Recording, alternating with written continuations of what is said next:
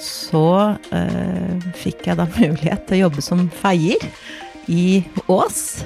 Jeg har da faktisk feid over alle piper i Ås. Da det løsna eh, med det prosjektet, var når vi begynte å følge det opp i et system som automatiserte veldig mye.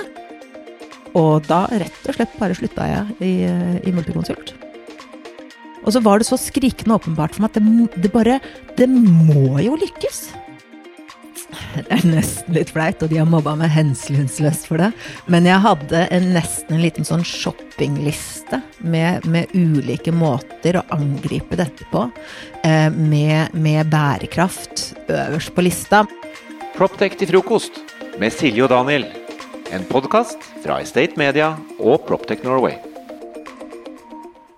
God morgen og velkommen til Proptech til frokost. God morgen. Det blir litt kaos på morgenen i dag, Daniel. Med noe leiebil og kø og annet fanteri. Men nå har du fått tilbake pusten og er klar for frokost. Ja, det var, eh, det var en litt sånn pes-morgen. Eh, sånn bortsett fra de der eh, dype ringene under øynene og en litt sånn manglende evne til å formulere hele setninger og sånn, så går det ganske bra. Det eh, høres ikke så gærent ut. Nei, takk. Jeg, jeg, savner, jo, jeg savner, jo, Silje, da, Dag Jørgen. Eh, ikke til forkleinelse for deg, men eh, vi må, vi må, igjen gratulere med at hun er hjemme med en ny, ny, liten jente. Vi savner deg, Silje. Ja, og det er jo veldig, egentlig. For jeg skulle jo ikke vært her. Jeg er stand-in i denne podkasten når Silje nyter tiden som småbarnsmamma.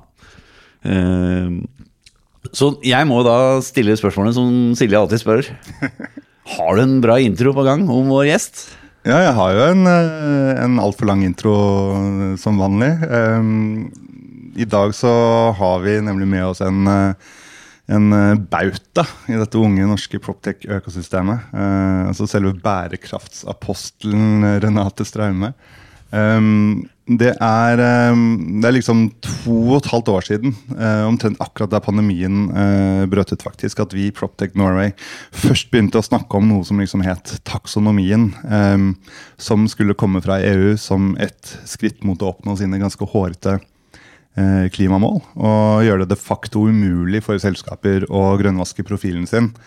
Um, og da var det faktisk foreløpig ganske tynt med interesse å spore i eiendomsbransjen. Eh, mange glassaktige blikk eh, da vi begynte å snakke om det. Hos meg også, egentlig. Eh, det var ikke så lett å trenge gjennom alle paragrafene um, i taksonomien.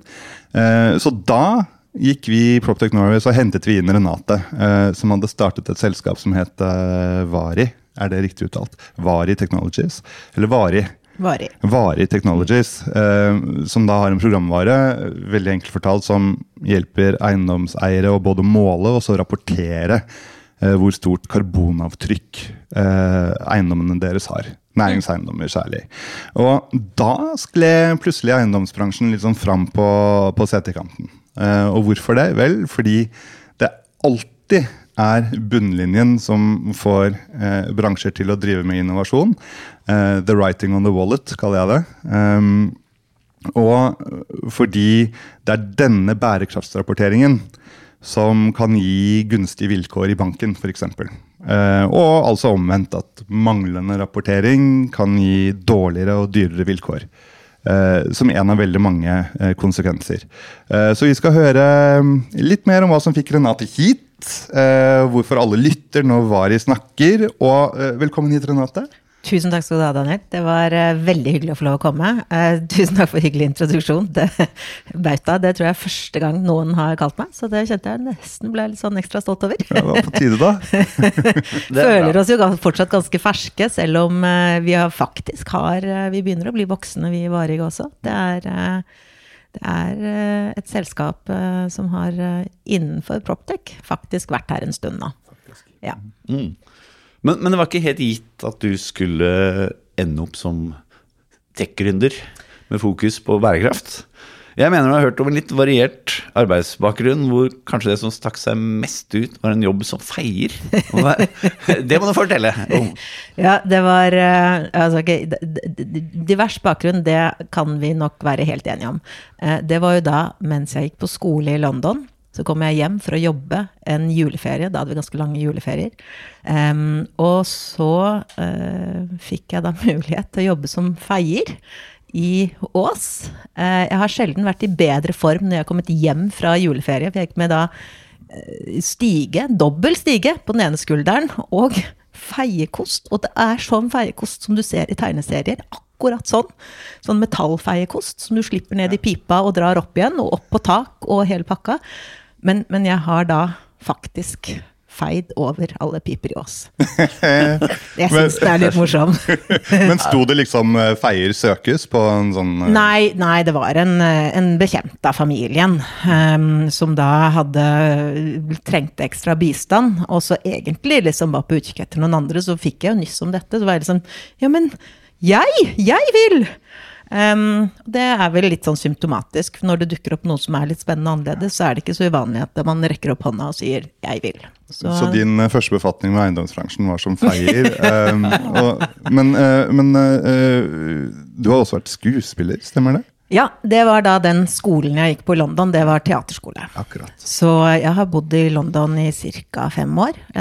Litt på skole, og litt jobbet som skuespiller, og litt som regissør, og litt som selger, og litt som servitør, og litt som hovmester.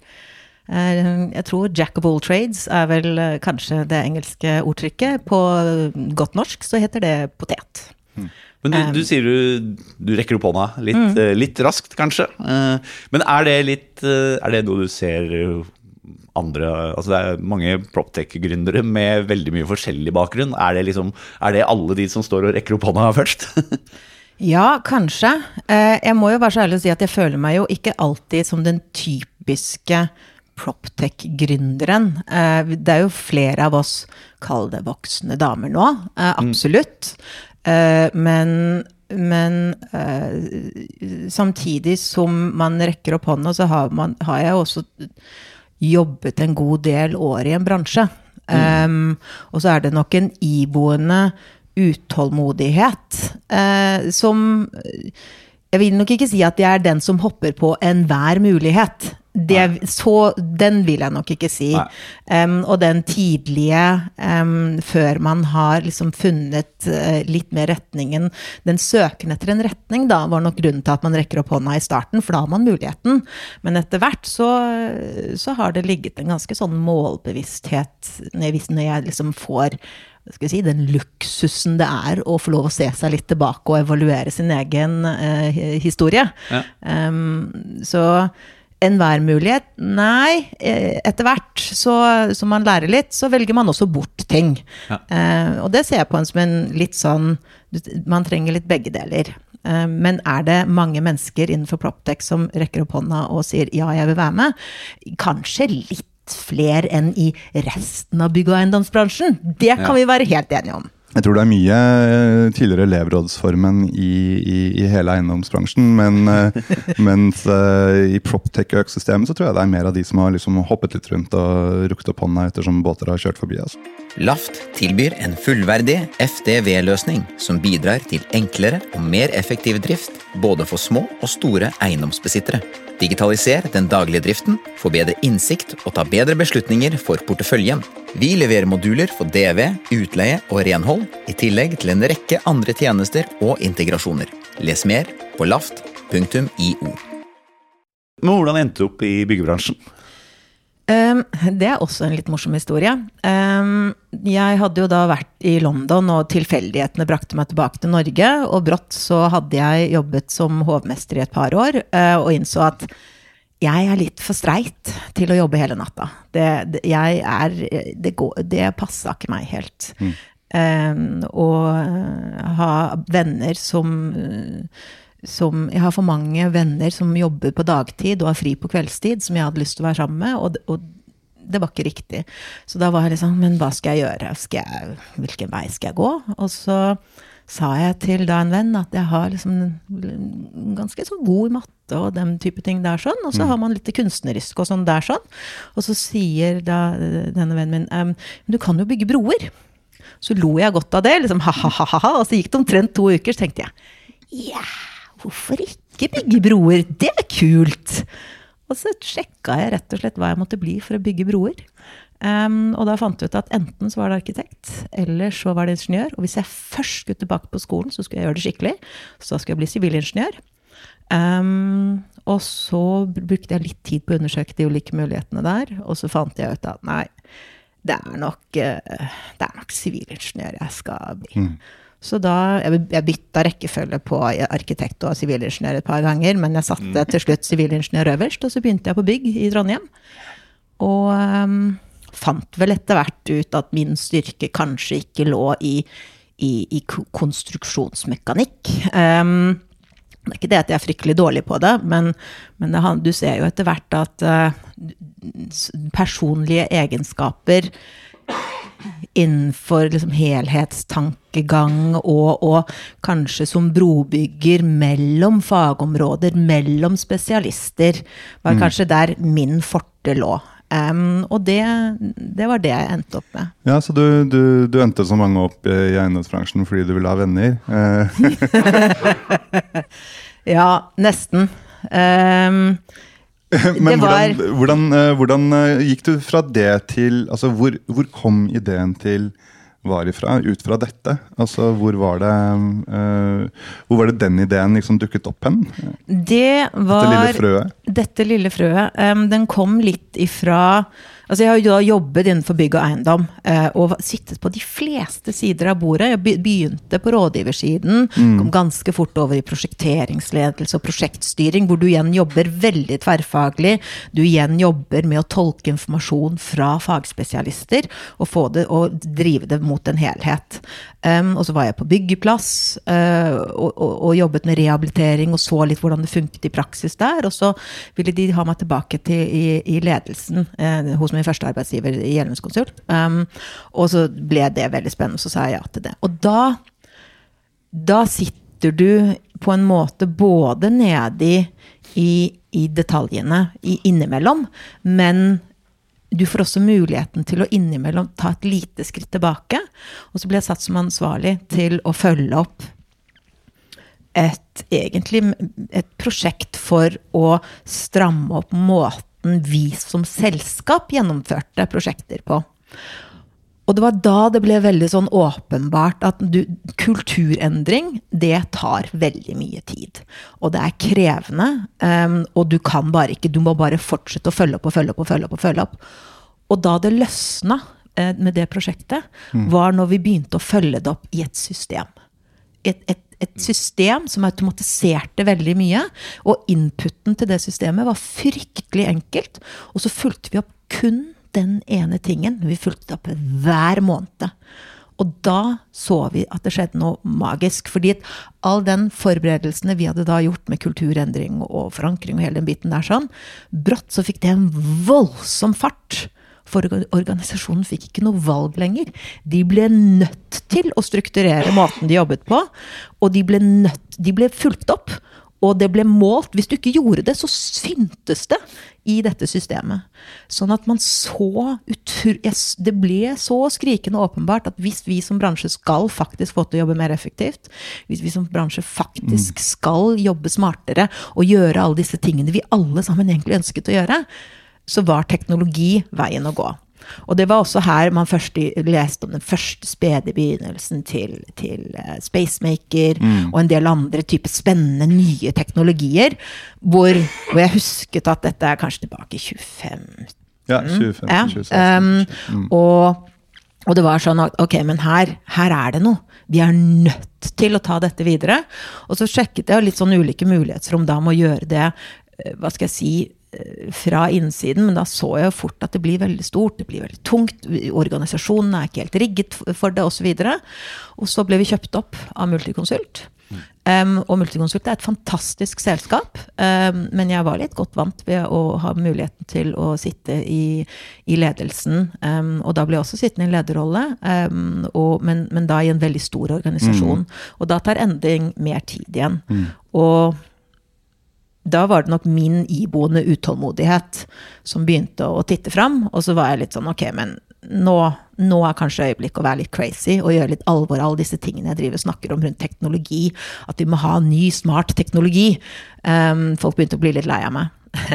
Men Gjeldnes de, de var ganske sterke på miljø. uh, Mm. I, jeg mener å huske Jeg hadde litt mener å gjøre skrev noen saker om, om Gjeldnes i sin tid. i hvert fall var litt, Ja. sånn, litt sånn liten og lett på tå, følte Ja. jeg. Veldig, og eh, veldig mange dyktige mennesker eh, jobbet som du sier, veldig mye med miljø. Jeg syns Roar annet, eh, Smelhus var kjempegod på det. Og veldig sånn hadde en iboende indre drivkraft, eh, som også har påvirket eh, meg i stor grad. Eh, og, og gitt oss en, en bredde, sannsynligvis, inn i Vari. Vi har jo fortsatt å snakke en del med Roar òg.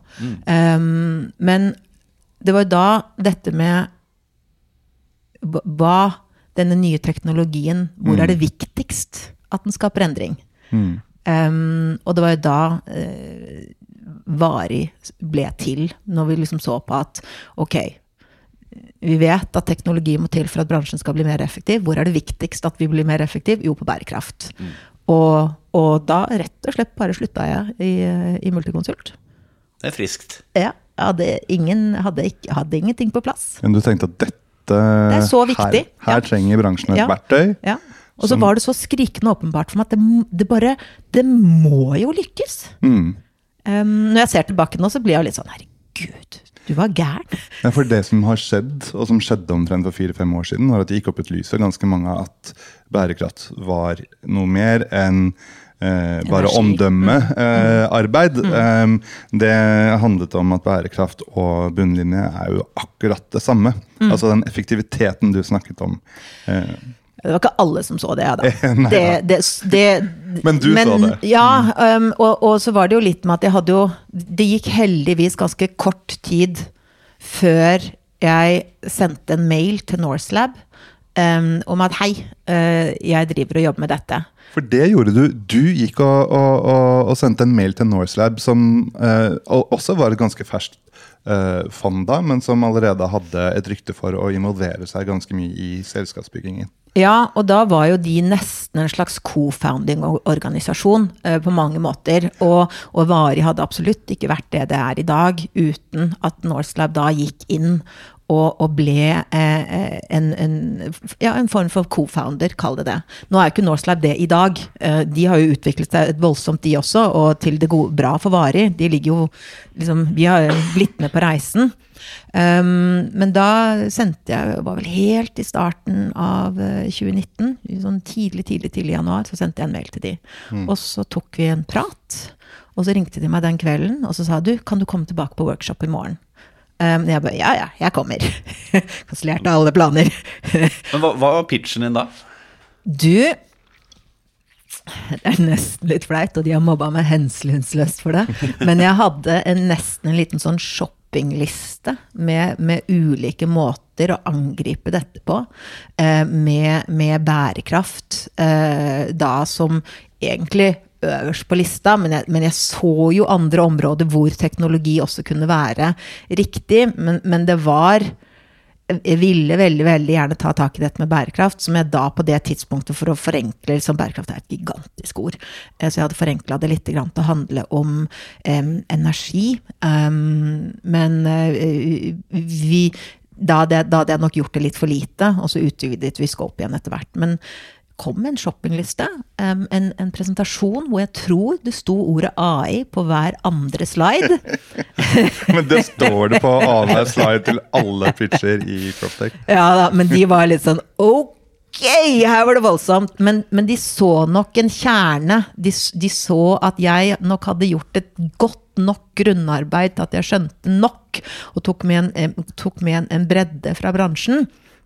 Vi har jobbet for entreprenør, vi har sittet på rådgiversiden, vi har holdt på mye med prosjektledelse. Jeg hadde, jeg hadde ganske sånn ledererfaring fra bransjen. um, som gjorde at vi, vi brukte litt tid sammen. Vi brukte vel en to-tre uker sammen på å snakke om dette og definere det opp og se hva, hva, hvilket potensial ligger det her. Og så, og så gikk de, tok vi hverandre i hånda på omtrent 1. februar 2019. Og da, holdt jeg på å si, fikk jeg en pult sammen med de. Og så kjørte vi på. Og så begynte jeg å snakke med, med hva skal jeg si, nettverket mitt. Og begynte å gå ut og hente, bare sjekke at det, de antakelsene som vi hadde gjort, faktisk stemte. Om det var noe vi hadde gått glipp av. Vi dro i skal vi jobbe med byggefase, skal vi jobbe med eksisterende byggfase? Um, og, og, gjorde et par pivåer underveis hvor vi valgte bort ting. Um, og der var Norselab veldig uh, viktige, hvor en av tingene som jeg husker så godt at de sa, var Men Renate, du sier hele tiden at 80% av fremtidens bygg er allerede bygget. Mm. Er det ikke der vi da skal fokusere energien vår? Hvis vi virkelig skal liksom skape denne endringen som vi alle ønsker å skape. Og så var det jo, som, Noen ganger så ser du ikke skogen for bare trær. Det var som sånn ding! Ja, selvfølgelig. Og da tok vi bare et sånt veldig hardt valg der og da om at vi jobber kun med eksisterende bygg. Mm. Um, skal informasjonen vi hentes, mattes tilbake i byggefasen, eller skal vi ta informasjon fra byggefasen? Absolutt. Men, men det er jo kanskje det viktigste du gjør i tidlig fase med, med å bygge teknologi, da, er jo å mm. velge bort ting. Med Life at Work fra VNI er alle byggtjenester samlet i én løsning. Med én og samme app for alt av adgangskontroll og parkering. Til booking av møterom eller matbestilling kan du som gårdeier ta grep om dine verdier og skape en enkel og sømløs hverdag for dine leietakere. Finn ut mer på veni.no. Men det er litt morsomt, fordi jeg prata med flere investorer som sier at det er ikke nødvendigvis den første ideen de blir pitcha.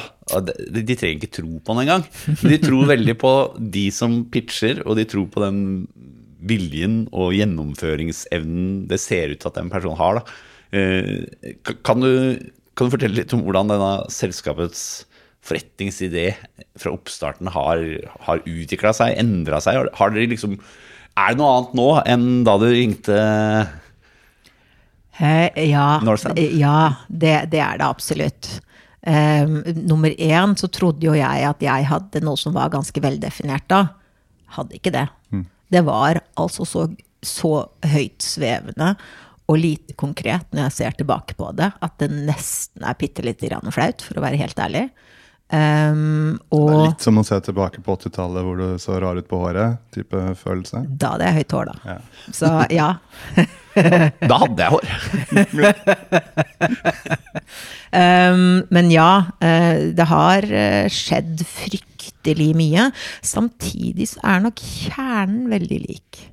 Fordi det er et faktum at det som faktisk nå resonnerer hos veldig mange, er at skal du få gjort mye raskt, skal du skape endring raskt i egen organisasjon, som jo handler om bærekraft, skal du bli mer bærekraftig raskt, så er jeg 110% sikker på at det får du egentlig ikke til uten at du tar i bruk en eller annen form for system som supporterer den endringsreisen. Mm. Så kjernen Kjernen er den samme. Og så hvilket problem vi så valgte å starte med å applisere dette på. Hvilken av bærekraftsutfordringene vi valgte å starte å applisere på. Den har endret seg litt underveis. Men skape endring raskt, systematisk og målbart, den er fortsatt sann. Ok, så nå er jeg, jeg er et eiendomsselskap. Mm. Eh, jeg har fått med meg budskapet at uh, jeg, jeg syns taksonomien er fryktelig skummel. Og så har jeg fått et budskap om at taksonomien bare er første skritt. Mm. Det er de som er benchmark innenfor bærekraftsarbeid, som kommer til å klare seg bra, og de som dilter etter, på, dilter etter, kommer til å slite. Så går jeg til Vari. Mm. Hva, hva kan dere gjøre for meg? Er, hvor er Vari i dag? Hva er produktet? Hva er det dere uh, leverer?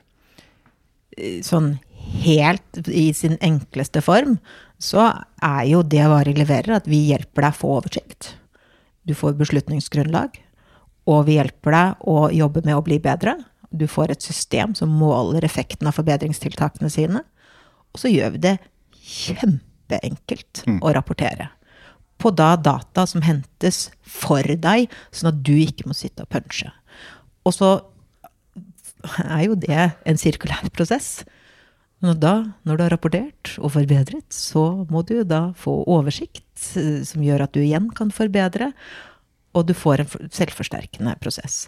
Og så har vi vært, hatt veldig fokus på at det å bli kunde, skal også være en del av de første skrittene dine på, kall det bærekraftsreisen, om du er litt fersk og du er på det stedet som du beskriver, at oi, dette er vanskelig, her er det sjukt mye å, å ta Jeg må skjønne noe, jeg må gjøre noe. Ja, jeg må skjønne noe, jeg må gjøre noe.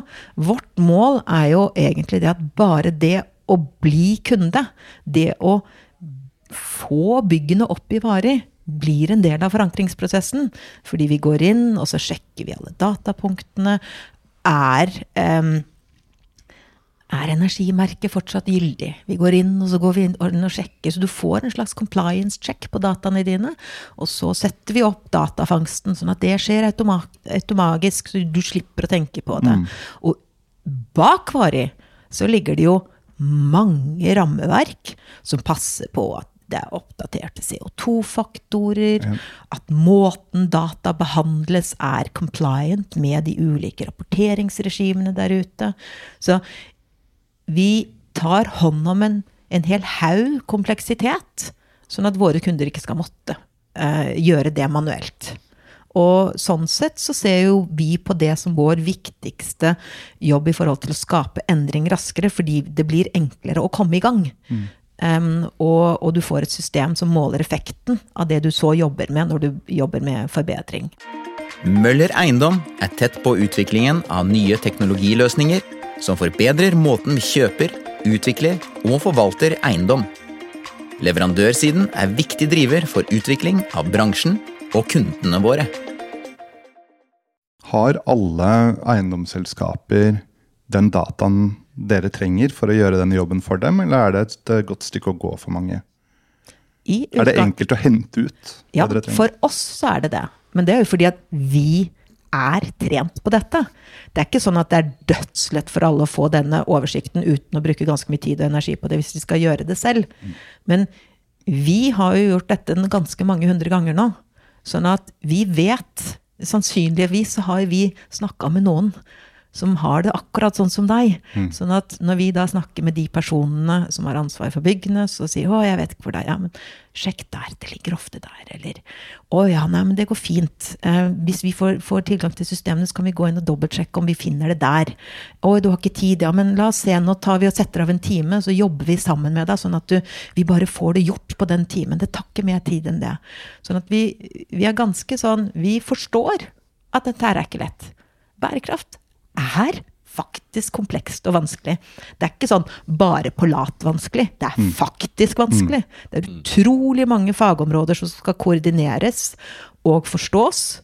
Og vi nærmer oss grensen for hva en person faktisk kan sitte og håndtere selv, og hva det kan forvente at et menneske skal klare å håndtere. For her har det jo skjedd eh, vanvittig mye ikke sant, på tre-fire år. Dag Jørgen. Altså, det, for tre-fire år siden også i State så var jo Proptech var jo et, eh, et eh, snevert felt. Det var et buzzord. Mm. eiendomsteknologi var liksom et voksenopplæringsprosjekt i bransjen. Eh, og selskapenes bærekraftsansvarlige satt jo i PR-avdelingen, ikke sant, i kommunikasjonsavdelingen. Um, og så har det skjedd en ganske stor endring bare de siste, altså, de siste to-tre årene. Eh, nå sitter teknologene og bærekraftsfolka i ledergruppene. eh, mer og mer Ja. eh, i eiendomsbransjen. Eh, på Proptech Summit eh, for litt siden så hadde vi i hvert fall 1500 mennesker innom for å diskutere morgendagens eiendomsbransje i lys av bærekraft. ikke sant? Hva er det som har skjedd? Nei, det har jo skjedd det at dette her uh, har gått fra noe som er forbeholdt de få eller do-gooderne, eller de som har sett litt tidlig at oi, det påvirker bunnlinjen også. Mm. Um, men det har gått fra i prinsipp en nice to have til en need to have. Nå er det faktisk ikke lenger valgfritt å ha kontroll på bærekraftstatusen sin. Hvor bærekraftig er du? Og det er nok noen som fortsatt mener at ja, for, for de store, ja, men ikke for oss. Og no, pitt, en måned eller to eller tre til, så kan det godt hende at det stemmer, men jeg tror det virkelig bare er å innfinne seg med at det kommer din vei. Du kan like godt bare begynne. Um, fordi at kompleksiteten blir ikke lavere. Den Ja, for blir bare høyere. Ja, Jeg skulle faktisk akkurat spørre litt uh, Når det gjelder de Altså de store går foran. Ja. Det, har gjort, det har du gjort veldig lenge, eh, egentlig. Uh, og så de små aktørene. Det var en undersøkelse fra BDO nå.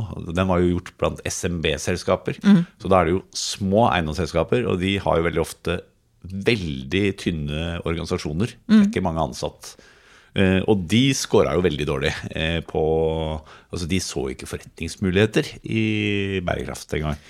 Eh, har de små Altså, én ting er om de har ressurser til å satse. Det burde de jo ha, så bra som det har gått i eiendom de siste årene. Men mm. har de vilje til å satse? Og får dere liksom tak i dem på kundelisten deres? Eh, De aller minste um, er jeg bitte lite grann usikker på om vi har liksom rukket å snakke nok med. De mellomstore, absolutt. Der har vi snakket med ganske mange av de, og de mellomstore har i varierende grad sett dette her sånn. Men selv de små kommer til å måtte forholde seg til det her sånn, og det er av den enkle grunnen at fram til nå så har bankene trådd litt varsomt fram. De har absolutt tilgjengeliggjort de, kall det, grønne produktene sine. eh, og, og satt krav til hva du må gjøre for å få tilgang til de, de grønne produktene. Men tilbakemeldingen Vi var i, var i Paris nå nylig, og tilbakemeldingen fra eh, de litt større institusjonene der nede er at nå gjelder dette her for alle. Um, og bankene er jo på utkikk etter å dokumentere sin grønne aktivitet, de også. De skal også rapportere på denne berømmelige taksonomien. Det er ikke, taksonomien er jo ikke bare for bygg- og eiendomsbransjen. Den er for ni ulike områder, hvorav bygg- og eiendomsbransjen er en av de. Transport må eh, Nå husker jeg ikke alle i farta, men det er mange. Um, og så bankene må rapportere. Eh, Vi har et godt eksempel nylig hvor en av våre kunder gikk inn i et bygg de hadde kjøpt, um, og skulle redusere energiforbruk med det bygget. Og så sa de at vi har en målsetning om å faktisk redusere med hele 45% Vi tror vi får til det med litt solceller osv. Og, så og jeg var litt sånn Men det er jo fantastisk.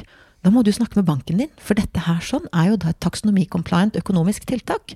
Så det, det banken låner deg av penger for å gjennomføre dette, det er jo da noe de kan rapportere på videre som grønn finansiell aktivitet.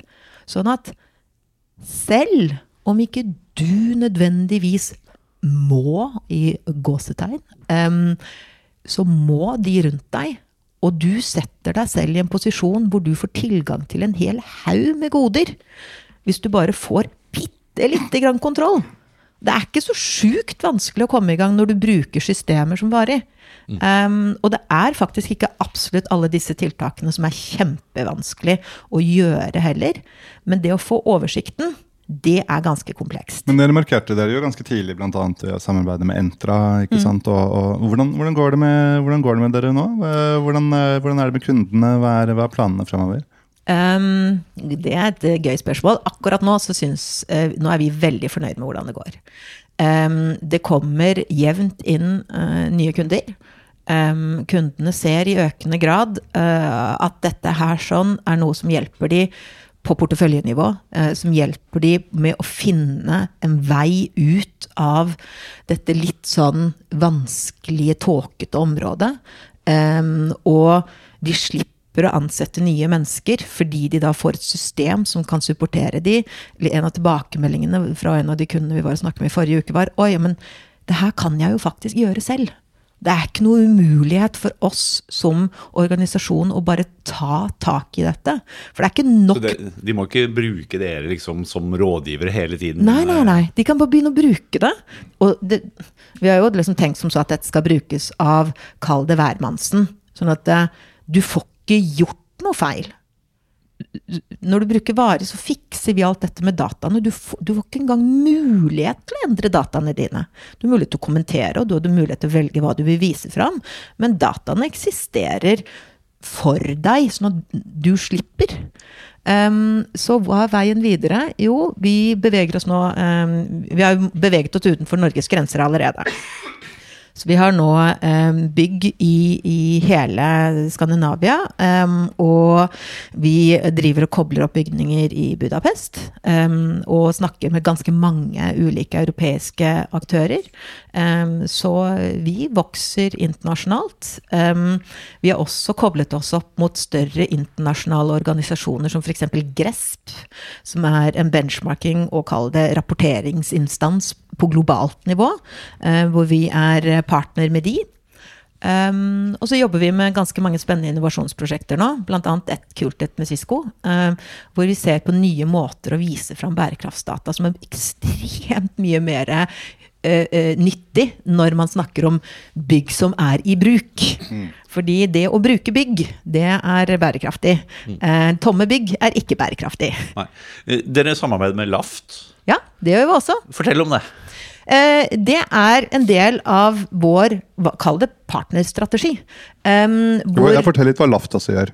Ja, Laft eh, er jo da eh, et F, liksom forvaltning- og driftssystem for drifterne. Vi er jo da et bærekraftsystem, et miljøstyringssystem. Og det å ha dokumentasjon eh, tilgjengelig Eh, på en enkel måte, er en viktig bit av, uh, av bærekraftsarbeidet. Derfor så ser vi det på som en veldig sånn naturlig kobling å, samarbeide med uh, systemene der ute, som løser dette på en smidig måte. For dokumentasjon og, og struktur rundt um, dette med forvaltning, drift og vedlikehold er ganske viktig når du jobber med bærekraft. Mm. Så det, det, er bakgrunnen. Og så har vi en veldig sånn partnervennlig strategi i Vari. Vi tror ikke at vi klarer å løse det fulle og hele problemet helt alene. Vi tror at vi må samarbeide med andre systemleverandører.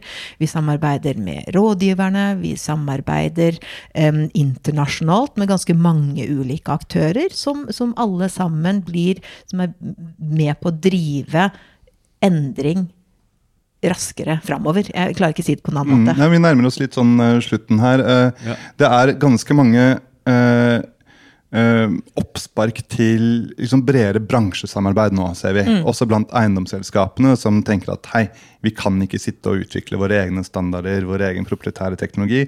La oss prate sammen, mm. la oss se hva vi kan få til. Uh, Tror du dette også vil skje liksom på bærekraftsfeltet, på rapporteringen? Man, eh, er, det, er, det, en posisjon hvor, eh, hvor dere ønsker å, å, å stå? Det korte svaret er ja, um, på begge deler.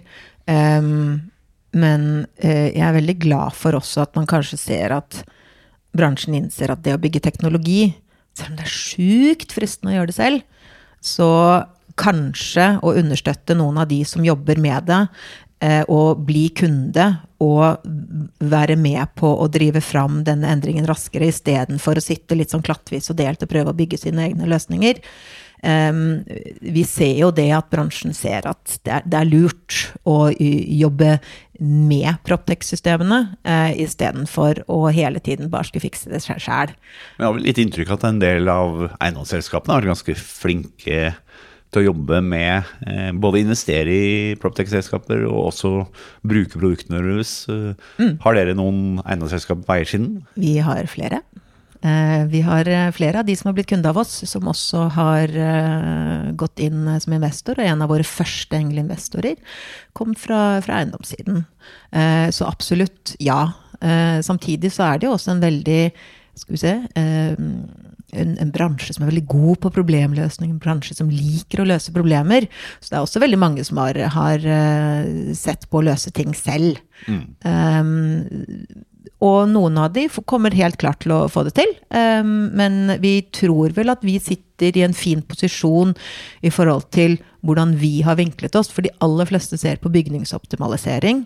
Eh, fordi at det er det man ofte jobber mest med i hverdagen, og det man kjenner mest. Um, vi samarbeider jo veldig gjerne med de systemene som jobber med bygningsoptimalisering.